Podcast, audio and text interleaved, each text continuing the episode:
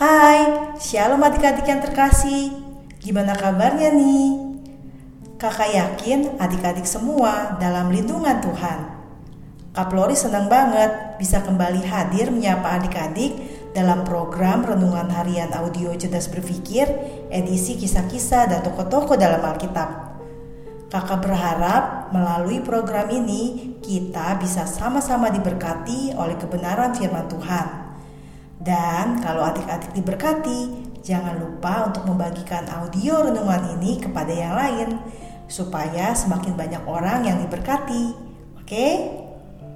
Kita mulai ya. Setelah Nabi Elia terangkat ke surga, kini tugasnya digantikan oleh Nabi Elisa.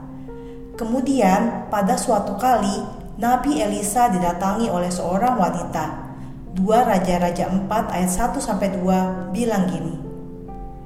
Salah seorang dari istri-istri para nabi mengadukan halnya kepada Elisa sambil berseru, Hambamu suamiku sudah mati dan engkau ini tahu bahwa hambamu itu takut akan Tuhan.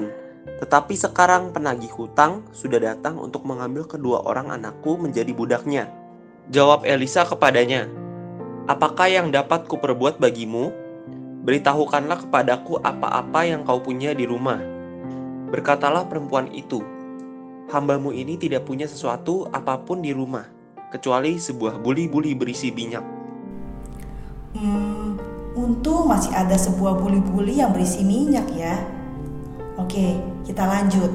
Nabi Elisa kemudian bilang gini dalam 2 Raja-Raja 4 ayat 3 sampai 4. Lalu berkatalah Elisa, "Pergilah, mintalah bejana-bejana dari luar daripada segala tetanggamu bejana-bejana kosong, tetapi jangan terlalu sedikit. Kemudian masuklah, tutuplah pintu sesudah engkau dan anak-anakmu masuk." Lalu tuanglah minyak itu ke dalam segala bejana. Mana yang penuh, angkatlah. Perempuan tersebut pun menuruti apa yang dikatakan Nabi Elisa. Dia meminjam beberapa bejana dan mengisi bejana-bejana tersebut dengan minyak yang hanya satu buli-buli saja. Tapi anehnya, minyaknya tidak habis sampai semua bejana terisi penuh. Dua Raja-Raja 4 ayat 7 mengisahkan gini. Kemudian Pergilah perempuan itu memberitahukannya kepada abdi Allah, dan orang ini berkata, Pergilah, jualah minyak itu, bayarlah hutangmu dan hiduplah dari lebihnya, engkau serta anak-anakmu. Kedengerannya seru ya, si suami dari wanita tersebut yang ternyata adalah seorang nabi memiliki hutang yang besar. Lalu Nabi Elisa memberi solusi yang ternyata menimbulkan keajaiban sehingga hutang-hutang tersebut bisa dilunasi. Bahkan masih ada lebihnya yang dapat digunakan untuk membeli kebutuhan hidup. Adik-adik, kisah ini tidak dimaksudkan supaya kita boleh ceroboh dalam hidup, berhutang dan tidak dibayar, lalu berharap bahwa Tuhan dengan kuasanya akan melunasi hutang-hutang kita. Itu adalah sikap yang tidak bertanggung jawab Kisah ini punya pesan penting, yaitu kita harus tetap bertanggung jawab dalam hidup. Misalnya, kalau punya hutang, ya harus dibayar. Meskipun berhutangnya sama teman sendiri, teman dekat pula. Justru pertemanan akan jadi rusak kalau gara-gara seseorang yang berhutang sama temannya tapi tidak dibayar-bayar. Loh, kok bisa gitu kak? Ya bisa, Soalnya gini adik-adik, di zaman sekarang ini yang jadi salah satu ukuran apakah seseorang bisa dipercaya adalah apakah dia bertanggung jawab soal uang atau enggak. Jadi, solusi terbaik adalah jangan pinjam uang, kecuali bisa mengembalikannya. Oh iya, ada satu hal lagi nih yang bisa kita pelajari dari kisah ini Kakak nggak tahu kenapa si suami dari wanita tersebut bisa berhutang. Mungkin karena musim kelaparan yang pernah melanda daerah tempat tinggal mereka. Adik-adik masih ingat kan soal musim kelaparan di zaman Nabi Elia? Nah, hanya karena seseorang itu adalah rohaniawan, taat sama Tuhan, dan lain sebagainya, bukan berarti dia terbebas dari masalah hidup, termasuk masalah yang berhubungan dengan keuangan.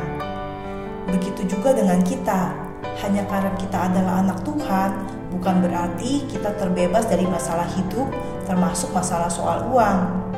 Makanya, kita harus bertanggung jawab soal mengelola keuangan.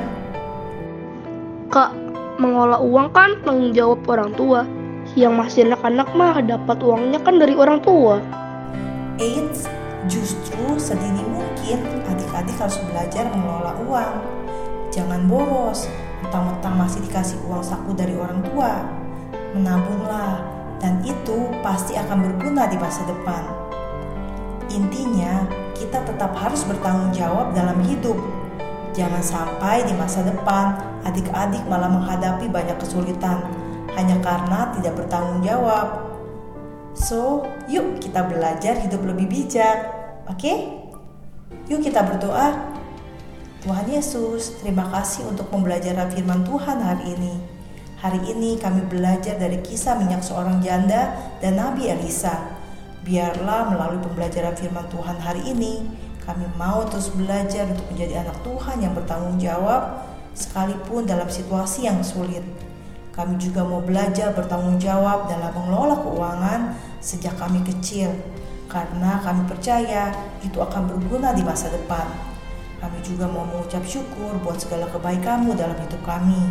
Dalam nama Tuhan Yesus, Allah kami yang luar biasa, kami berdoa dan mengucap syukur. Amin. Oke, Kak Flori undur diri dulu ya. Selamat bertanggung jawab dalam hidup.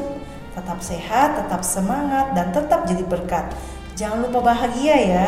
Tuhan Yesus memberkati. Dadah.